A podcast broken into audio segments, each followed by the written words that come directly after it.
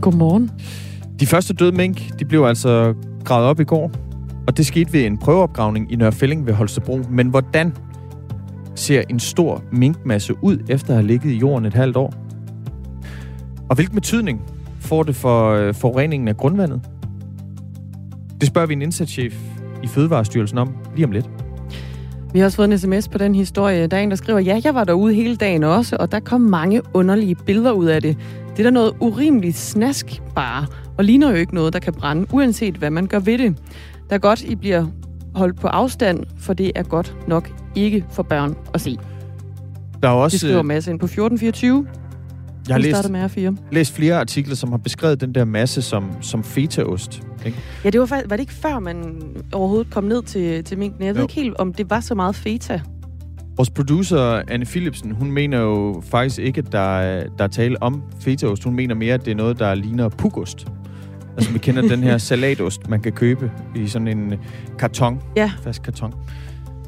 Altså, om det var feta eller, eller pukost. Vi har diskuteret meget, hvad for en slags feta og eller pugost, der i hvert fald har været tale om med de her lignelser til fetaosten i forbindelse med de her nedgravede mink. Det har, ja, det har været sådan en lille undren, vi har haft os her. En øh, historie, vi også skal forbi, det er øh, vel gårdsdagens største sportsbegivenhed. Det lyder sådan her. Årets pokalvinder 2021. Randers FC. Randers FC vandt pokalfinalen og sendte Sønderjyske hjem med en sæk på 4-0. Vi får reaktioner fra to tilhængere, en øh, Randers-fan og en Sønderjyske-fan. Den her sejr, den betyder jo, at Randers de kan som minimum stikke øh, 20 millioner gode danske kroner i klubkassen, og så er de altså også garanteret europæisk gruppespil. Vi taler med øh, to tilhængere, en fra hver side senere i øh, den her halve time. Og øh, du lytter til Radio 4 morgen. Klokken den er 7 minutter over syv, og i studiet sidder Christian Magnus Damsgaard og mig selv, Dagmar Eben Østergaard. Godmorgen.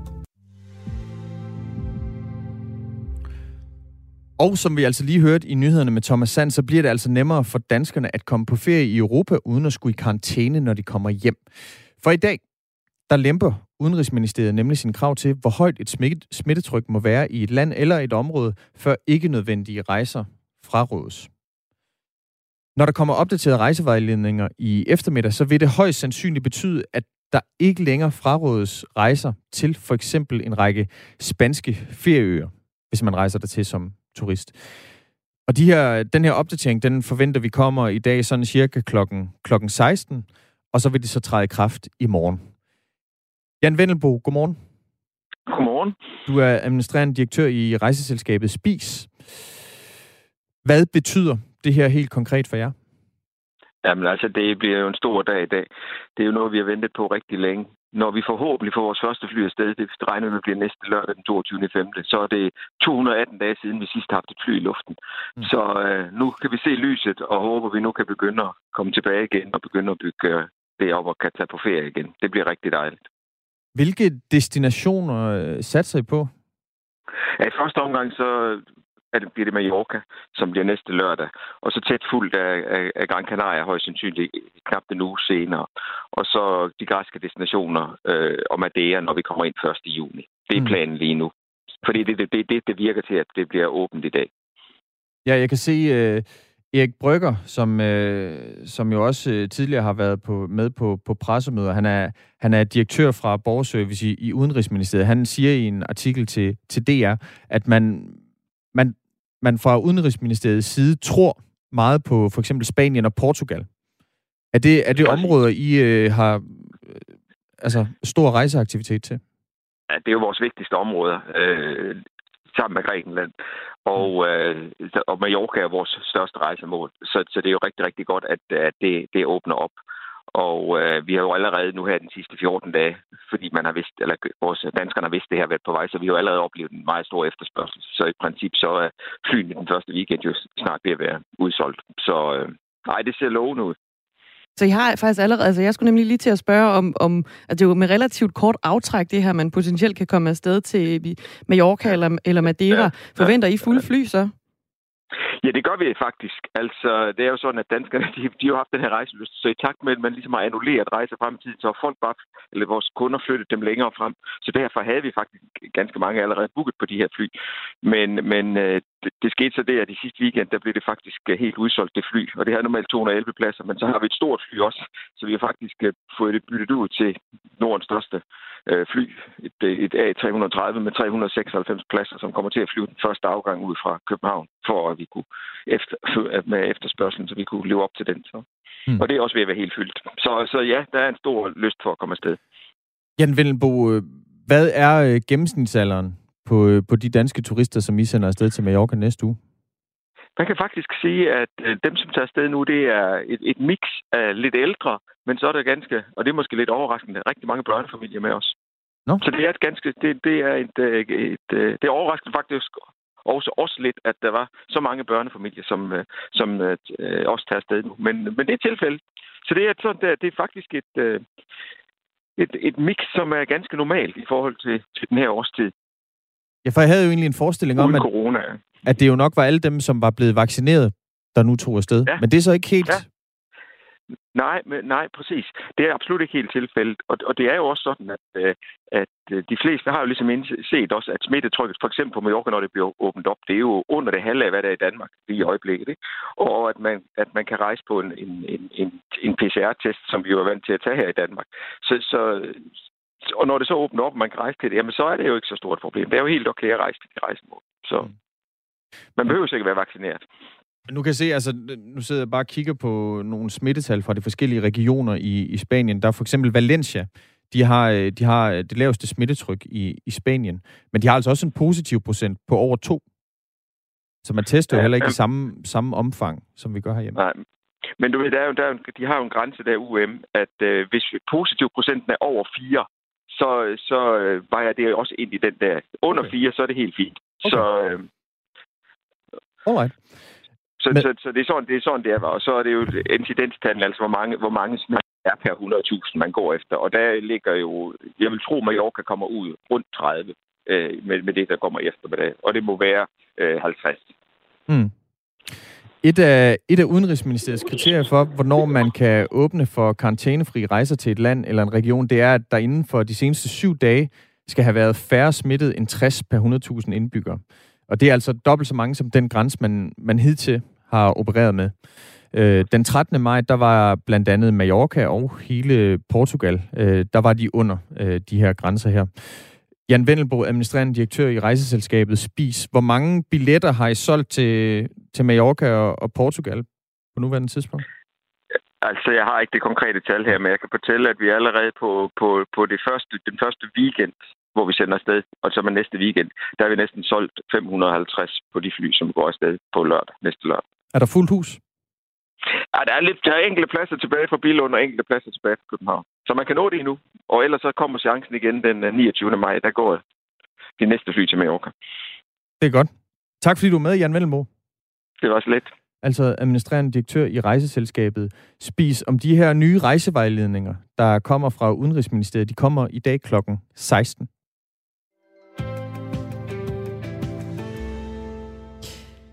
De første døde mink er blevet gravet op, og det skete altså i går ved en øh, prøveopgravning i Nørfælling ved Holstebro. Og her ligger der omkring 2 millioner mink i massegravene, og øh, de skal brændes i forbrændingsanlæg rundt omkring i landet.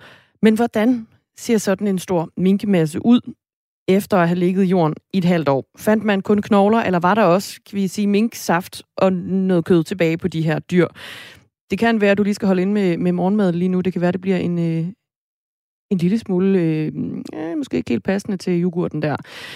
Og måske endnu vigtigere også, øh, hvilken betydning har den her minkmasse for forurening af drikkevandet og badesøen i nærområdet? Det skal vi tale med dig om nu, Kasper Klindø. Godmorgen. Godmorgen. Indsatschef i øh, Fødevarestyrelsen. Vi skal lige have sat nogle ord på, øh, hvad det var, I fandt under den jyske muld.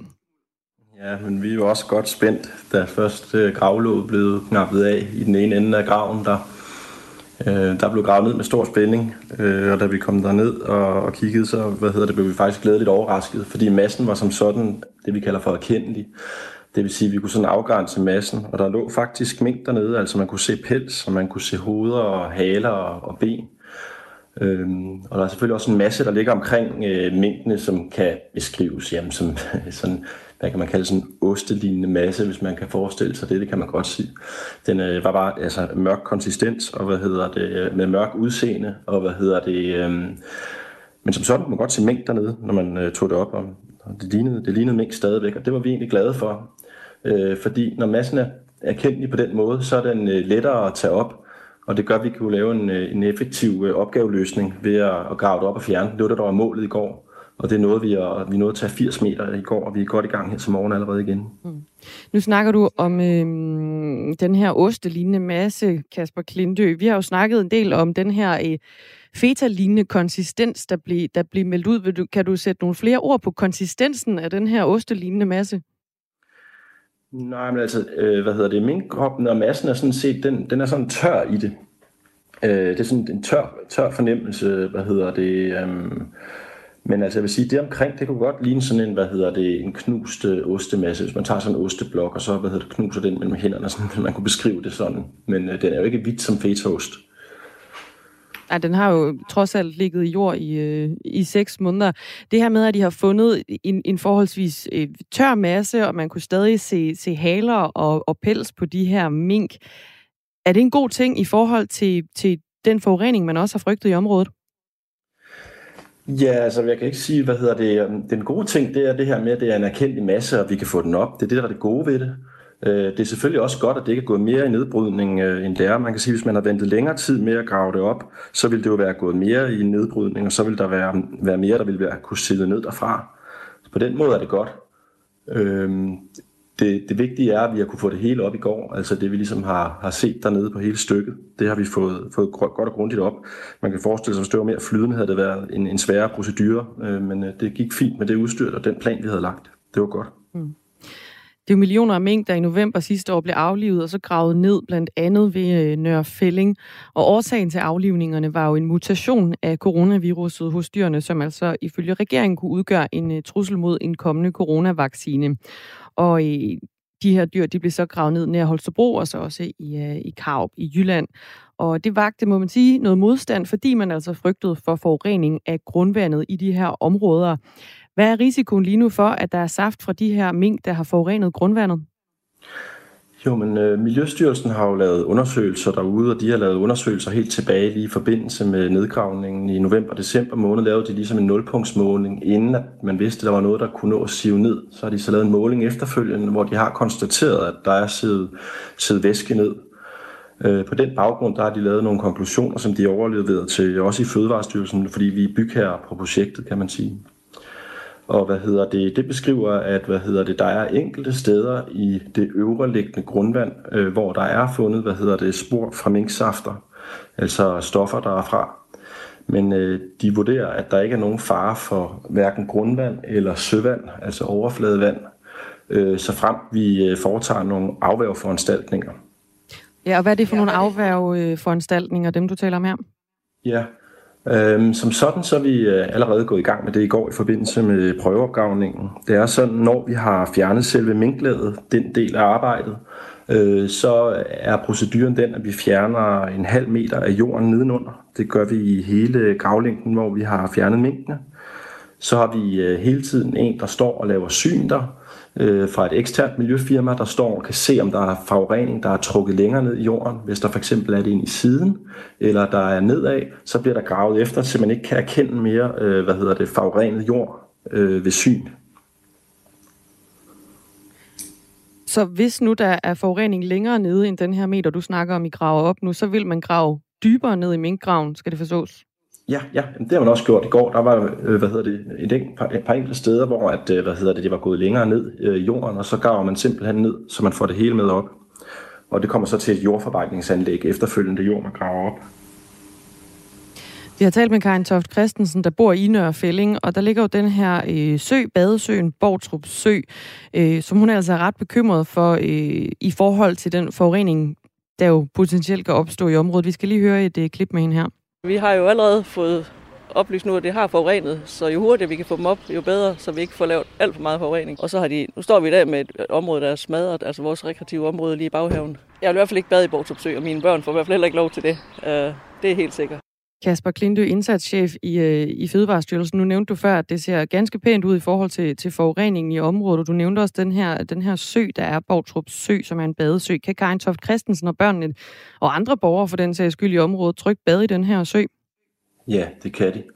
Øh, hvad hedder det? Vi laver netop de afværgeforanstaltninger, som Miljøstyrelsen øh, har anbefalet os øh, for at hindre, at den her forurening, der har været i det overliggende øh, grundvand, at den stoppes, sådan, så den ikke når at løbe ud fra hvad hedder det, området og, og ikke når forurening eksempelvis øh, søen. Så man kan trygt bade i søen, hvis det er det, man har lyst til. Så lige pt. er der altså ikke øh, noget, der ser ud som om, at det er sivet yderligere ned i grundvandet. Der bliver lavet en masse øh, foranstaltninger for at sikre, at, øh, at grundvandet ikke bliver forurenet efter de her døde mink. Hvad for, altså, forventer I, at det her område det er fuldstændig rent, kan vi kalde det, når, når minken er gravet op, og I har foretaget de her foranstaltninger, Kasper Klindø?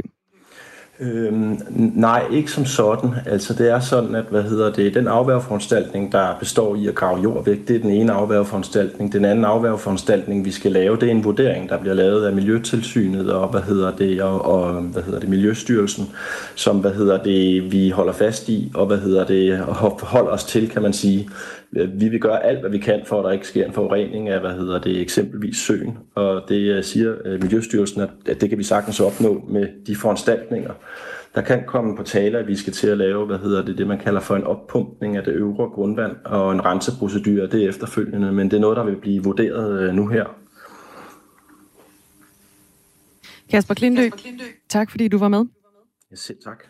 Indsatschef i øh, Fødevarestyrelsen om de her prøveopgravninger ved Nørre Fælling, øh, som altså forventes at være færdige i morgen lørdag, og så fortsætter man så med de rigtige opgravninger, kan man sige. Årets pokalvinder 2021. Randers FC.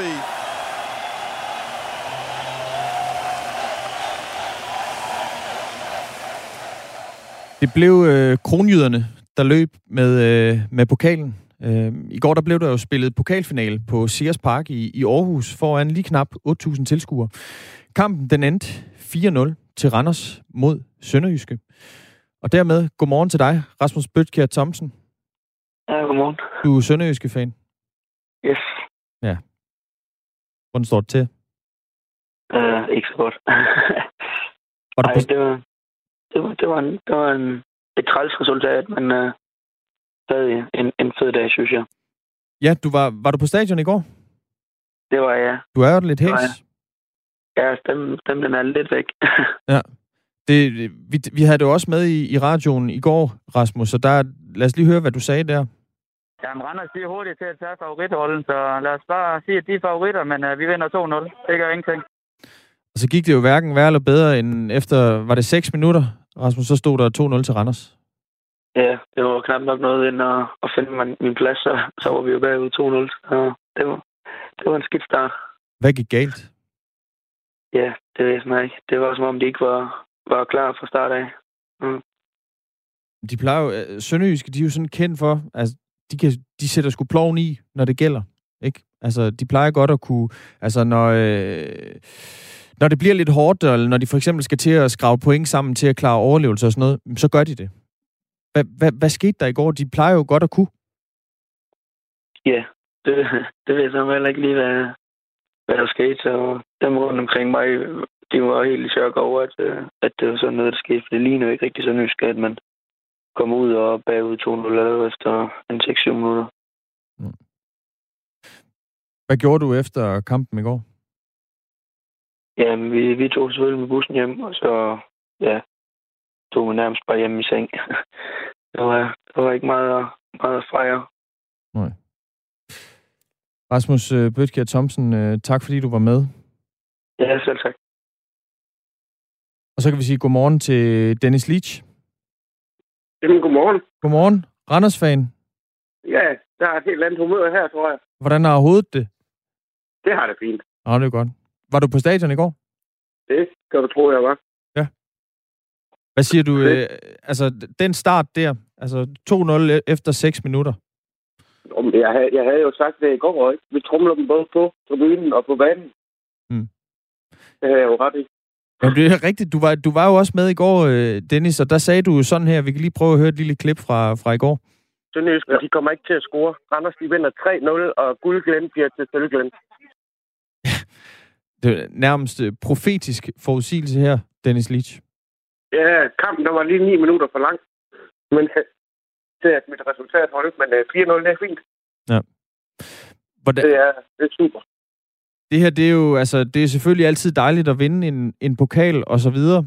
Øhm, men det her, det kommer også til at få nogle rigtig, øh, rigtig positive konsekvenser for Randers, ikke? Du kan se, jeg har læst flere artikler, hvor, hvor der bliver spekuleret i sådan noget beløb mellem 30 og 45 millioner kroner, der kommer i klubkassen, fordi man nu er, er garanteret europæisk gruppespil, og man måske endda, øh, måske endda kommer i, i Europa League. Hvad, Ja. hvad betyder sådan et, sådan et beløb der for en klub som, som Randers? Jamen, det, det betyder jo alt. Altså, vi har jo, vi har jo altid været kendt for at have en fornuftig økonomi i, øh, i, i klubben heroppe, men, øh, men Michael Gravgaard, han fik ødelagt det lidt. Så, så jeg er uhyggeligt glad for, at, øh, at Søren Pedersen og, og staten ude i, i Randers, de får noget at, at arbejde med, så, så de også kan, kan optimere truppen, øh, uden det skal være discount-spillere, øh, de selv skal gøre gode. Øh, jeg er frygtelig glad for, at de, de får den mulighed. Ja, optimere truppen. Øh, der kunne jeg se, at han siger til, til Ekstrabladet Søren Pedersen der, at, øh, at man nu kan hente spillere ind til toppen af hierarkiet. Altså, er der nogle spillere, du, du mener, Randers mangler? Eller hvor mangler I? Og øh, vi, vi, vi mangler en rigtig, en rigtig bomber. Altså en, en lynhurtig, en, en gammel musician-type. Ronny Schwartz-type. En Eko, han kan flække de lange bolde videre til, som så er sikker på, at de får den løbet op. Så er det en mangler vi. Kammerat Eko er altså ikke de hurtigste. Mm. Øhm, så sådan en kunne vi godt mangle. Og så, øh, ja, så jeg synes jeg faktisk ikke, vi mangler mere. Jeg synes, vi har en fantastisk trup. Øh, en ung trup efterhånden, som, øh, som er godt tømret. Så altså, I, I, I mangler en, der kan bombe kasser ind, sammen med Marvin Eko, der, der er den ene af, af angriberne. Ja. Men det, er jo, det kan vi jo ikke bruge øh, alle 45 millioner på. Nej, det kan vi ikke. Det kunne I sikkert øh, godt, men... Øh, Men jeg tænker, jeg tænker også, der forsvinder nogen. Jeg tror, der forsvinder nogen. Altså, jeg, jeg, jeg er jo bange for sådan en som Patrick Dahlgren, øh, målmanden. Grave, Grave, Grave, Grave, Grave, Grave og Graves, Mm. øh, er jeg så også bange for. Kan hende det måske. Ham kunne jeg godt se Midtjylland henter. Mm. Ja, Mathias Greve, der, han scorede jo to mål i Ja, går. han fry- frygter du, de, øh, at der er nogle af de store klubber, der, der plukker ham? Jamen altså, vi, altså, de der sjællandske klubber, de har jo med at tage vores målmænd, men, men, men, men der er, ja, altså de forsvinder enten til en lidt mindre udenlandsk klub, eller øh, der er dansk klub. Det kunne jeg godt se. Så det her, det betyder jo også, at, at Randers øh, som minimum skal spille i den her Conference League, og måske endda øh, kan komme med i Europa League. Ja.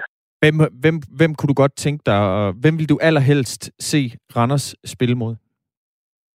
Og hvem vil helst se Randers spille mod? Ja. Det, så ved jeg ikke, om jeg skal gå efter mit hjerte, eller om jeg skal gå efter øh, et stort hold. Altså, fordi, Gå efter dit hjerte. altså, så kunne jeg jo kunne jeg jo godt tænke mig sådan nogle hold som Arsenal, eller sådan. Ja. Ja. Selv til et Vi må se, hvad der kommer op af, op af hatten, når der skal trækkes lod. Ja. Tak fordi du var med. Ja, hvad vil du sige til sidst? Jeg siger bare, det bliver spændende. Jeg glæder mig helt vildt. Ja. Jamen, det bliver spændende. Vi følger med. Dennis Litsch, øh, tak fordi du var med, og tillykke med, med pokalen. Jo, tak. Altså Randers-fan og supporter af, af de nykårede pokalvindere fra Randers FC, der altså vandt 4-0 over Sønderjyske ved, ved gårdsdagens pokalfinale, som altså blev spillet i, i Aarhus.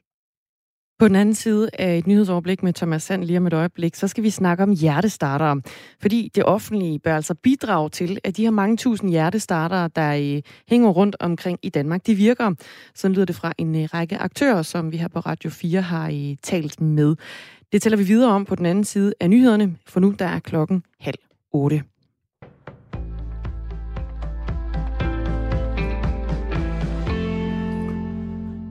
Fra i dag bliver det nemmere for rejseløsende danskere at komme på ferie i Europa uden at skulle i karantæne, når man kommer hjem igen. Udenrigsministeriet lemper sine krav til, hvor højt et smittetryk der må være i et land eller område, før ikke nødvendige rejser dertil frarådes, og man skal gå i karantæne ved hjemkomst.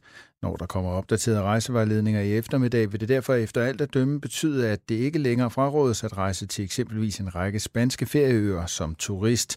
De opdaterede rejsevejledninger træder i kraft i morgen. Allerede her forventer rejseselskabet Spis at sende et fly fyldt med danske turister afsted til den spanske ferieø Mallorca. Administrerende direktør Jan Velbo glæder sig over udsigterne til at få et turistfly på vingerne for første gang i 218 dage. Jeg kan jo næsten ikke øh, udtrykke, hvor glad jeg er for det, som, som, som, som øh, nu sker, at vi nu kan komme i gang igen, og at uh, der bliver flere destinationer eller lande, som åbner op nu her.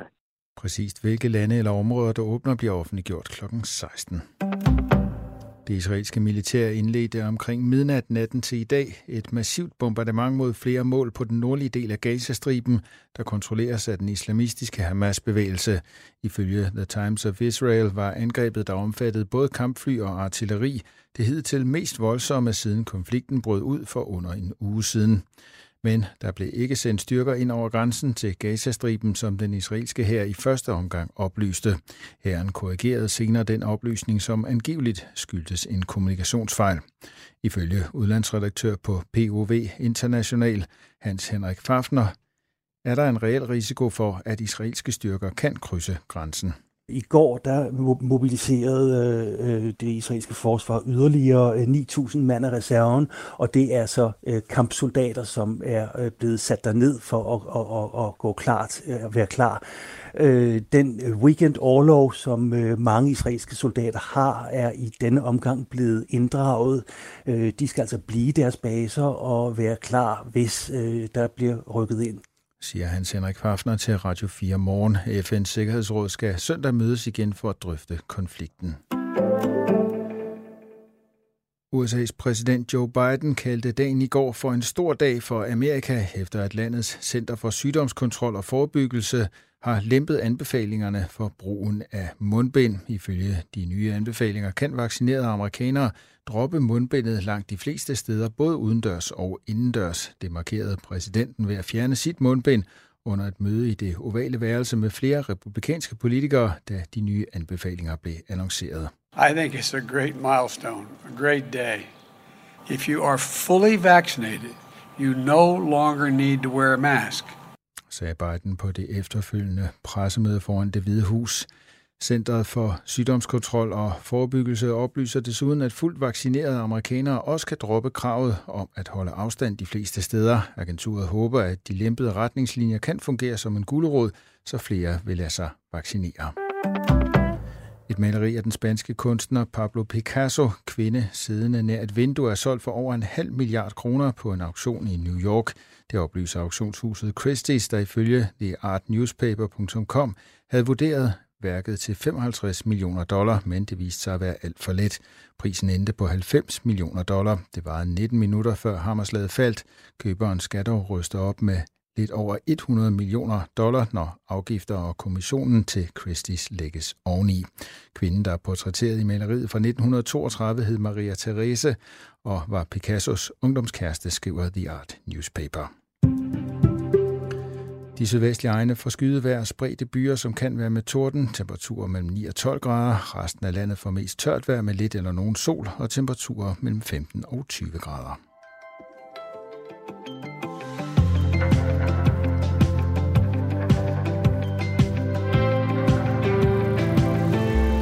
Godmorgen. Godmorgen. Og velmødt til denne uges sidste Radio 4 morgen. Det er fredag. Det er fredag. Heldigvis er Radio 4 morgen tilbage igen mandag morgen. Jo, jo. Så tager vi bevares. det Bevares. Jo, jo. Det er klart. um, vi, skal, vi skal tale kultur i denne halve time. Kulturminister Joy Mogensen, hun er øh, måske, måske ikke, men hun er i hvert fald blevet kritiseret meget under coronakrisen. Kritikken går på, at hun har nølet, hun har manglet forståelse for og indsigt i kulturlivet, og enkelte kulturpersonligheder, de har endda kaldt hende inkompetent. Men nu viser en ny rapport fra Nordisk Råd, at Danmark er det land i Norden, hvor der er givet allermest krisestøtte til kulturen under corona. 3,3 milliarder er der blevet kanaliseret ud til det danske kulturliv mod for eksempel 800 millioner i Finland og 1,8 milliarder i Sverige. Så har kritikken af Joy Monsen simpelthen været forfejlet? Det spørger vi en kulturkommentator på Altinget om, Nils Frid Nielsen. Øh, han har været meget kritisk over for kulturminister Joy Mogensens ageren under corona. Men kan den her rapport, som viser, at Danmark faktisk har givet allermest Øh, økonomisk støtte til det blødende kulturliv under corona, kan den flytte noget ved den kritik? Det spørger vi, det spørger vi Niels Frid Nielsen om, og det gør vi klokken cirka kvart i 8. Inden det, så skal vi snakke om hjertestartere. Det offentlige skal bidrage til, at de mange tusind hjertestartere i Danmark virker. Så lyder det i hvert fald fra en øh, række aktører, som Radio 4 har talt med, og det er blandt andre en brancheforening, og så er det regeringens støtteparti SF. Udmeldingen her, den kommer efter en mand fik hjertestop i Hvidebæk ved Herning, da han spillede paddeltennis på banerne ved Hvidebæk Fritids- og Idrætscenter. Og hjertestarteren, den virkede altså ikke. Men manden, han overlevede til gengæld. Og Henrik Jul, godmorgen. Godmorgen. Du var til stede, centerleder ved Hvidebæk Fritids- og Idrætscenter. Hvad var det, der skete? Ja, øh, jeg registrerer, det var sidst på eftermiddagen, jeg var lige kommet frem, jeg skulle til møde, øh, registrerer ud af, af vinduet, øh, jeg, uden for mit kontor, jeg kan se, at der kommer en mand øh, hæsblæsende løbende, øh, og banker vildt på vinduet, han kender mig, øh, og, og vinker efter mig, at jeg skal komme ud, og øh, jeg kan godt se, at der er et eller andet galt, og jeg løber så rundt om hjørnet fra mit kontor, og kan se, at han er ved at tage hjertestarteren øh, og løber så med ham øh, retur de, de 200-300 meter hen til mod paddelbanen, og undervejs så fortæller han mig, hvad der, hvad der er sket, og, og jeg kan nok er klar over, at, at det er lidt alvorligt jo, så, øh, så vi kommer frem ret hurtigt, og, øh, og øh, hans to makkere, som også spillede selvfølgelig med, med pågældende her, øh, øh, sidder ved ham, og, og øh, jeg kan høre, at de også har gang i øh, øh, alarmtelefonen, hvor hun har guidet øh, dem øh, igennem øh, de første ting der, så, så vi kan hurtigt se, at den er helt gal, jo, og så vi springer på og, og giver hjertemassage.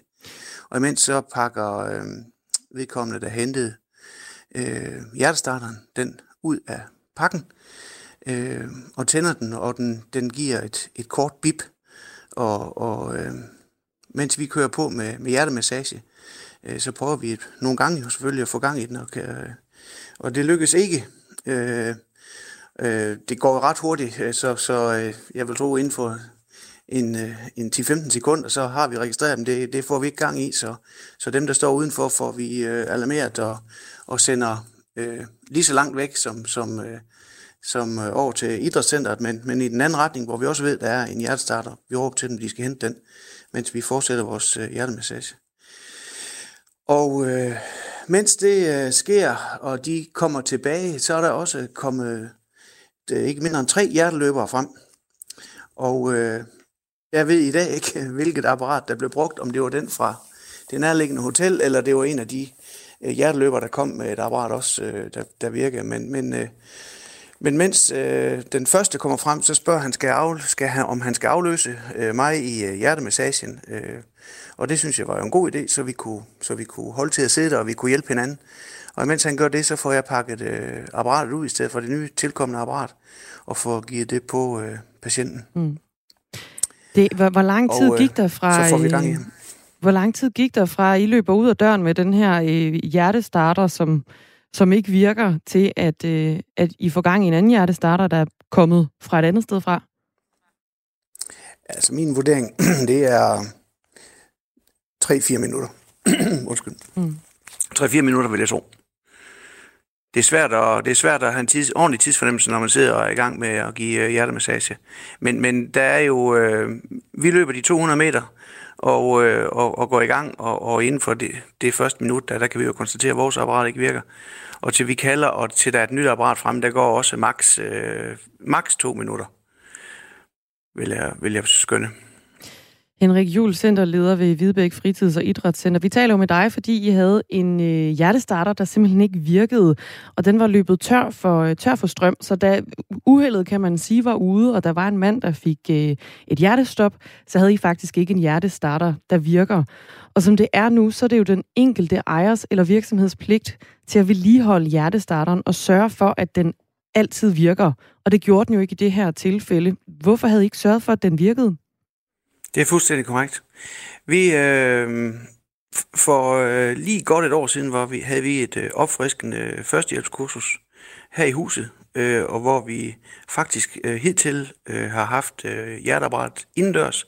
Så valgte vi at sætte det udendørs i den forbindelse, så den er tilgængelig for alle 24-7. Øh, og vi fik den opdateret, og øh, for ikke skal være løgn, så står der faktisk på, bag på batteriet, hvor der står, hvornår den skal skiftes, der står der øh, august 2024. Også patsene var, var, øh, var opdateret. Øh, så, så øh, vi var jo i fuldstændig god tro, og jeg har også, øh, nu, nu er den udenfor, og så kan man se, den, den blinker. Øh, det gør den jo, øh, det skal den gøre hver 5. sekund eller 10. sekund. Og det, kan vi, det kunne jeg se, øh, og det har den gjort. Det er ikke noget, vi hidtil har gået og registreret, at det gør den stadigvæk. Det, det er bare noget, man, altså sådan fast, hvor vi lige er hen og se, passer det og, og kører den. Vi har selvfølgelig lagt ind i vores kalender, at, øh, at hvornår vi skal skifte batterierne og det der, og så tror vi på, det har vi gjort indtil nu, at, øh, at øh, den også virker, når, når vi sørger for at få skiftet det i, i tide.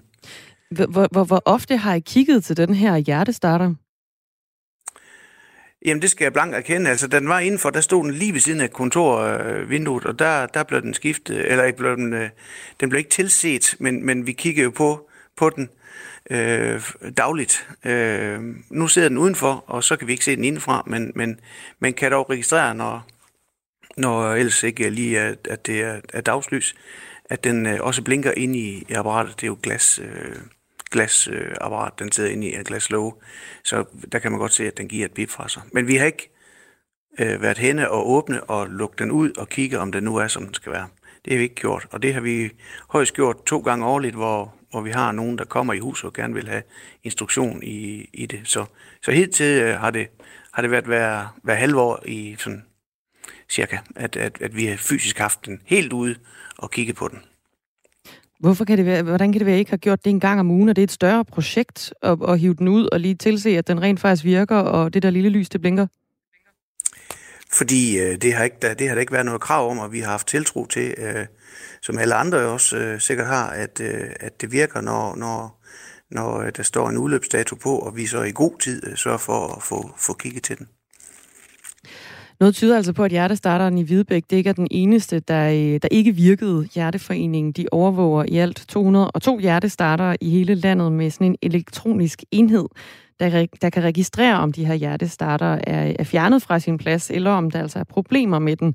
For eksempel, at den er løbet tør for strøm, som, øh, som det var tilfældet i, øh, i Hvidebæk. Hjerteforeningen oplyser, at de får omkring 100 fejlmeldinger om året, altså omkring to om ugen, og hver fejlmelding er et udtryk for en usikkerhed om, hvorvidt hjertestarteren er øh, funktionsdygtig. For to år siden, øh, der viste et studie, at en ud af 10 af de hjertestartere, der for eksempel hang på Bornholm, de havde problemer med elektroder eller, eller med batteri. Og ifølge Hjerteforeningen, så kan batteriet i de her hjertestarter altså blive påvirket af, af temperaturudsving. Er det noget, du var øh, opmærksom på, Henrik Jul? Øh, nej, det var jeg ikke. Øh, og det har, øh, det har jeg også efterfølgende fået at vide, at, øh, at det kunne også godt være en medvirkende årsag til, at, at batteriet øh, på en eller anden måde er blevet afladet. Ja, fordi I endte jo med at rykke den udendørs. Ja.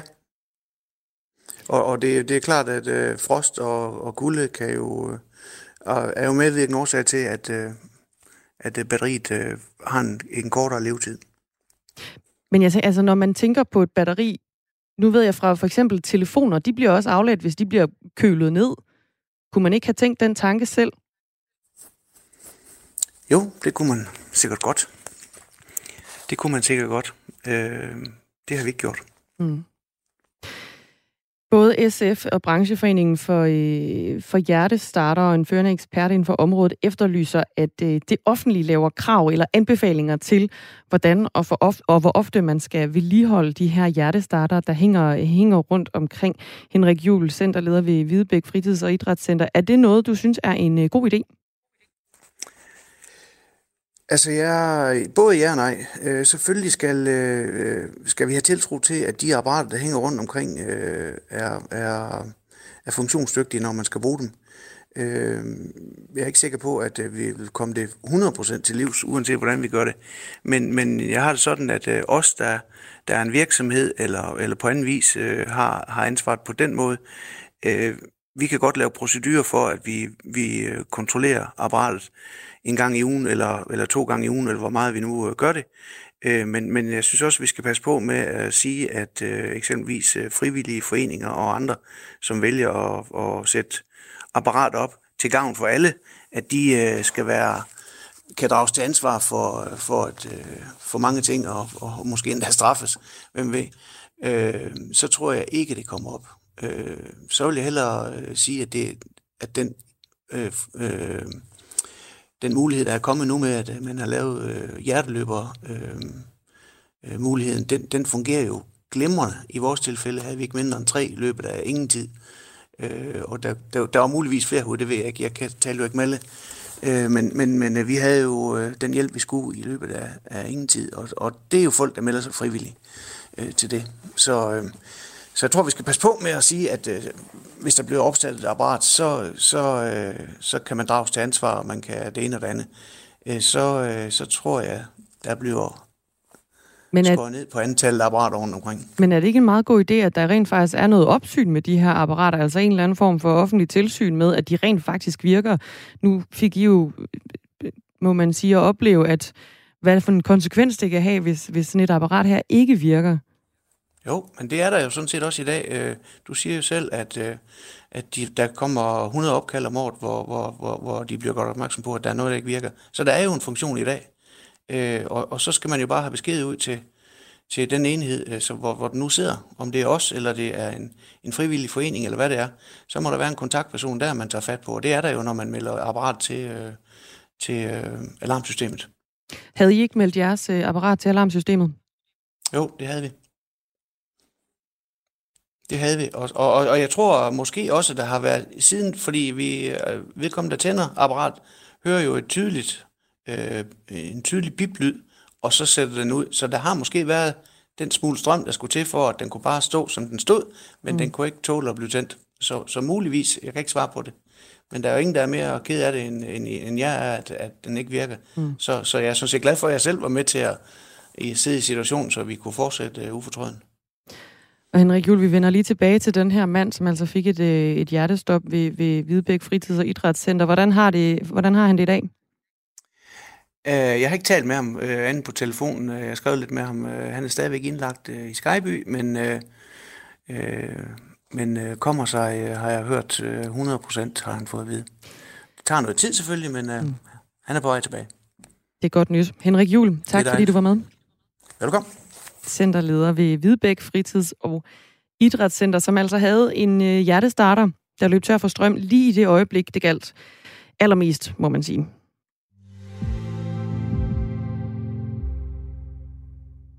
Kulturminister Joy Mogensen fra Socialdemokratiet er måske den mest kritiserede minister under coronakrisen. Hun er i hvert fald mødt kritik for at have nølet, have manglet forståelse og indsigt i kulturlivet, Enkelte har endda kaldt hende inkompetent. Men nu viser en ny rapport fra Nordisk Råd, at Danmark er det land i Norden, hvor der er givet mest krisestøtte til kulturen under corona. 3,3 milliarder er der blevet kanaliseret ud i det danske kulturliv mod for eksempel 800 millioner i Finland og 1,8 milliarder i Sverige. Niels Frid Nielsen, godmorgen. Godmorgen. Du er kulturkommentator på Altinget. Du, du skulle lige til at sige noget, synes jeg, det lød som om.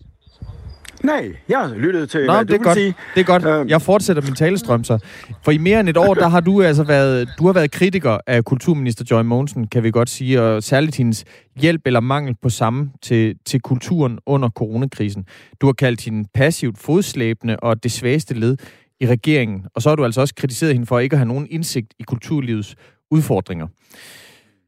Med den her rapport i, i baghovedet, sy, mener du så, at du har taget lidt fejl i din vurdering af kulturministeren? Nej, det har jeg ikke. Jeg har fra første øh, færd sagt, at øh, det her handler ikke om at sende flere penge.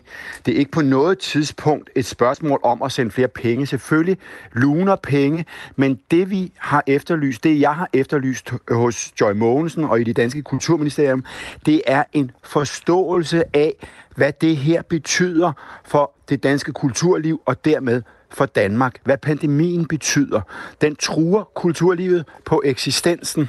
Øh, folk øh, øh, kan ikke komme til at lave de ting, som de ellers lever af. Folk kan ikke komme ud øh, og opleve noget. Så det er ligesom i tre led. Det er de udøvende kunstnere, der er truet. Det er dem, der arrangerer det. Altså senest så vi festivalerne, der måtte lukke med 14 dages varsel. Og så er det alle os millioner af danskere, som i letop i den her tid søger kulturen for at få trøst under pandemien, men også for at opleve det fællesskab, man kan opleve, når man går ind og føler et fælles sus i en teatersal eller en biograf. Man står i en, øh, øh, på et spillested og vugger i fællesskab til musikken og nyder musikken. Alt det har vi jo netop brug for under en krise som coronakrisen. Og der har kulturministeren svigtet fatalt. Hun har overhovedet ikke forstået, hvad det er, hun har med at gøre. Hun har ikke forstået at gøre resten af regeringen begribeligt, at kulturliv, det er altså vitalt for et samfund. Og specielt når et samfund er i krise som det her, har vi brug for nogle sange at synge med på. Vi har brug for nogle oplevelser øh, til at komme videre med. Og den forståelse har manglet totalt. Øh, og derfor har der bredt sig en modløshed dag for dag, siden coronaen øh, brød ud i kulturlivet, hvor folk øh, mere eller mindre er, er opgivende i dag. Men, men er det ikke, er det ikke ligegyldigt, om, om Joy Mogensen har forstået, hvor truet kulturen er, hvis, hvis det rent faktisk er sådan, at der er blevet pumpet mere end 3 milliarder kroner ud i støtte til netop kulturlivet? Det vi ser, det er jo, at pengene er kommet på en måde, der virker tilfældigt. De er kommet bumpende tue for tue, og de er kommet modvilligt. De er kommet efter, at danske erhverv har lagt stort pres på og talt de øh, små og, og mellemstore virksomheder sag. Så har man fundet ud af, okay, nogle af de her små og mellemstore virksomheder, de er jo sådan set også kulturinstitutioner, og derfor kan de også få. Så er kulturen ligesom blevet snedet ind i de forskellige parker, og senere har vi fået kulturparker. Det, der havde været rigtig godt, det var, hvis man havde gået ind og sagt, prøv at høre, vi forstår godt, at I truet. Vi laver en stor plan, der holder, unden, holder hånden under jer, så vi kommer igennem det her, og også kommer ud på den anden side. Men, men du, Fordi det er det, vi stadigvæk men, ikke har klarhed på. Hvordan skal, hvad skal der ske på den anden side af pandemien? Mm. Det, det har, der ikke, har vi ikke fået nogen bud på men, endnu. Men du siger, Niels Frid Nielsen, altså kulturkommentator mm. på blandt andet Altinget, at pandemien den truer kulturlivet på eksistensen. Men det, der truer kulturlivet på eksistensen, det er jo også det er jo mangel på at kunne tjene penge. Og så er det bare, jeg spørger, at når Danmark har pumpet 3,3 milliarder ud i det danske kulturliv. Hvis vi sammenligner med Sverige, de har ikke engang pumpet 2, 2 milliarder ud i deres kulturliv. Altså, hvad er det så problemet er? Hun har vel gjort en masse godt for kulturlivet, hvis de har fået så massiv økonomisk støtte? Problemet er, at øh, Øh, tusindvis af mennesker går rundt og ved ikke, hvornår de kan komme i gang igen. Øh, tu, tusindvis af mennesker, altså, vi har teaterfolk, som opfører forestillinger, eller laver forestillinger, som de ikke kan komme til at spille for nogen. Vi har festivaler, hvor det er jo ikke kun de store bands, det er jo ikke kun Søren Østergaard øh, mm-hmm. cirkus, hvor med Søren Østergaard i spidsen. Øh, det er jo også alle dem, der er bag ham. Det er alle dem, der bærer øh, gearet ind. Det, det er alle dem, der står ved døren. Det er alle dem, der står i baren. Det er alle dem, der hele arrangementerne omkring de her kulturarrangementer, øh, øh, alle de usynlige mennesker, de er, går jo og modløse, og de går og kigger øh, på, på deres bankbog og siger, er det nu, jeg skal melde mig arbejdsløs? Anerkender, er nu, skal... du, anerkender du, Niels Frid Nielsen, at, at uh, Joy Mogensen er den kulturminister i Norden, der har hjulpet kulturlivet bedst? Nej, det gør jeg ikke. Jeg, aner, jeg har ingen grund til at drage de her tal i tvivl, men jeg vil bare sige, at hun har ikke på noget tidspunkt forstået nødvendigheden af en analyse og en efterfølgende plan for kulturlivet. Og, og det er det, vi stadigvæk efterlyser. Hvad så? Ja, det er et spørgsmål om, at dem, der, de tusindvis af mennesker, der arbejder der, og de millioner, øh, som, som nyder godt af dansk kulturliv, at vi også øh, har en plan for, at der er et kulturliv på den anden side af pand- pandemien. Det er jo det, det handler om. Men, det, men, men kulturlivet, nu fortæller du... Jeg vender lige tilbage til, at du, du siger, at det danske kulturliv har været truet på eksistensen, og det tror jeg sådan set ikke, der er så meget altså, debat om. Det, der er jo mange erhverv, også de liberale erhverv, der har været, været lukket ned. Og der, der, der er kulturlivet jo blevet kompenseret markant bedre herhjemme, end i de andre nordiske lande. Hvorfor er det så så vigtigt, ja, om øh... Joy Mogensen har, har forstået og har indsigt i kultur, hvis hun har, hvis hun har sørget for, at der er blevet pumpet rigtig mange penge ud til kulturlivet? Fordi penge er kommet drøstende, for sent og for tilfældigt, øh, og på en måde, så man ikke har haft vidshed for, at, at vi skulle nok komme igennem det her. Derfor øh, sidder de ude nu, og, og i, i institution efter institution ved ikke, hvad, hvad skal vi gøre på den anden side. Det, som de penge er gået til, det er jo til, til huslejer, og det er jo fint, at den, den gamle by i Aarhus ikke har måttet lukke, øh, men den gamle by i Aarhus, de måtte jo lave en folkeindsamling på et tidspunkt, fordi de endnu ikke havde fået penge. Øh, de penge, de, der, de, de millioner, der er kommet, eller milliarder, de er, de er gået til huslejer, de er gået til at undgå konkurser. Ja. De er ikke gået til at sikre, øh, at vi også har et kulturliv på den anden side af pandemien. Men pointen med hjælpepakker er vel også, at så skal man bare overleve være, til, at det, man kan at det er på niveau igen. eller flere. Undskyld? Men pointen med hjælpepakker ja, er, er vel også bare... står der, men ja. der skulle også gerne være nogen til at lave noget i dem. altså, det nytter jo ikke noget, du har i teater, hvis ikke der er nogen teatermedarbejdere til at lave teater i dem. Altså, der skal jo også være, der skal jo, der skal jo være en plan for, så man også... Det er jo ikke nok, at man bare betaler huslejen. 3,3 milliarder øh, er der og, altså og blevet det, kanaliseret ud til det danske kulturliv mod 8 millioner i Finland og 1,8 milliarder i Sverige. Det viser den her øh, rapport fra Nordisk Råd. Niels Frid Nielsen, øh, du taler altså om, at, at kulturminister Joy Mogensen, hun, hun ikke har haft indsigt i kulturlivets udfordringer. Måske også, at hun skulle have altså, talt kulturen op. Øhm, der er altså blevet givet øh, flere milliarder til det danske kulturliv, og det er det højeste beløb i hele Norden. Det, det er vel noget, som kulturlivet rent faktisk kan bruge til noget, altså kroner og øre, snarere end det der sådan lidt fluffy med at tale en branche op og have indsigt i kulturen. Der er altså ikke noget fluffy i en musiker, der må gå ned til arbejdsformidlinger og melde sig arbejdsløs, og derefter lade sig omskole til at blive arbejdsmand. Det er der intet som helst øh, fluffy i, og det er jo det, de oplever. Øh, det er det, man oplever i dansk kulturliv. Det er en modløshed, og folk de har ikke nogen vidshed for den eneste, det eneste område, der er kommet ordentligt igennem øh, coronakrisen, det, det er bøgerne. Og det er jo fordi, man kan forbruge bøger lige så godt hjemme. Man behøver ikke gå ud for at forbruge bøger. Alle andre brancher er i knæ lige nu, og det er der altså ikke noget fluffy i overhovedet. Øh, det vil, det Men... tror jeg, folk vil opfatte som en fornærmelse, hvis der kommer nogen og siger, at det, det er fluffy. Og du kan jo ikke bruge til noget... Øh, du kan jo ikke, du kan ikke lave en ny udstilling for de penge, der, der er blevet givet til husleje i sidste måned. Nej, men indsigt i kultur kan man altså ikke øh, betale husleje med. Nej, men, men indsigt i kultur er forudsætningen for, at du kan lave en farbar vej gennem øh, pandemien. Hvis ikke du har en forståelse af det område, du har med at gøre, så kan du heller ikke lave en strategi, som, som hjælper det område igennem. Og det er jo derfor, du oplever den her modløshed og usikkerhed. Klarer vi det, eller klarer vi den ikke? Tak fordi du var med, Niels Frid Nielsen. Hvad, hvad, hvad, hvad, hvad, skulle Joy, hvad skulle Joy Mogensen have gjort anderledes? Altså 3,3 milliarder blev givet til det danske kulturliv. Jeg kan forstå, at det er så ikke nok. Jamen prøv at høre, der er aldrig nogen, der har sagt, at det her var et spørgsmål om penge. Det, det handlede om, det var, at Men du, der det har siddet mennesker et spørgsmål i nu mere om penge. end et år, og ikke vidst, om de levede i næste måned. De vidste ikke, om der, om, om der var om, om der var en fremtid, om der var en fremtid for det, de gik og lavede. Der havde det været meget rart med et kultur, når vi nu har et kulturministerium, at man der havde lavet nogle rammer, nogle rammer og havde forsikret folk, prøv at høre, der er styr på de her ting, vi skal nok få jer igennem. På den ene eller anden måde. I kan godt være, at vi kommer i knæ, men vi skal nok komme ud på den anden side. Der har vi tværtimod oplevet en kulturminister, der har sagt, at det var upassende at snakke om kultur, når der var pandemi i Danmark. Og der må man bare sige, nej, det er ikke upassende. Det er passende. Det er meget, meget vigtigt for det danske samfund, at vi har et kulturliv, øh, netop i sådan en situation. Fordi vi har brug for at få fortolket vores situation, vi har brug for fællesskabsfølelsen, som du også øh, kommer oplever i et kulturliv. Øh, og der har været kæmpe fravær. Øh, og det er jo det, man har en kulturminister til. Det er jo ikke at tale op, men at varetage sit områdes interesser. Til at formidle, hvad er det, der er på spil her. Ligesom en erhvervsminister øh, varetager erhvervslivets interesser, øh, ligesom øh, undervisningsministeren under, øh, varetager øh, undervisningssektorens interesser, så har vi altså en kulturminister til at varetage kulturlivets Niels Fred Nielsen. øh, interesser, og til at formidle deres problemer i, i regeringen.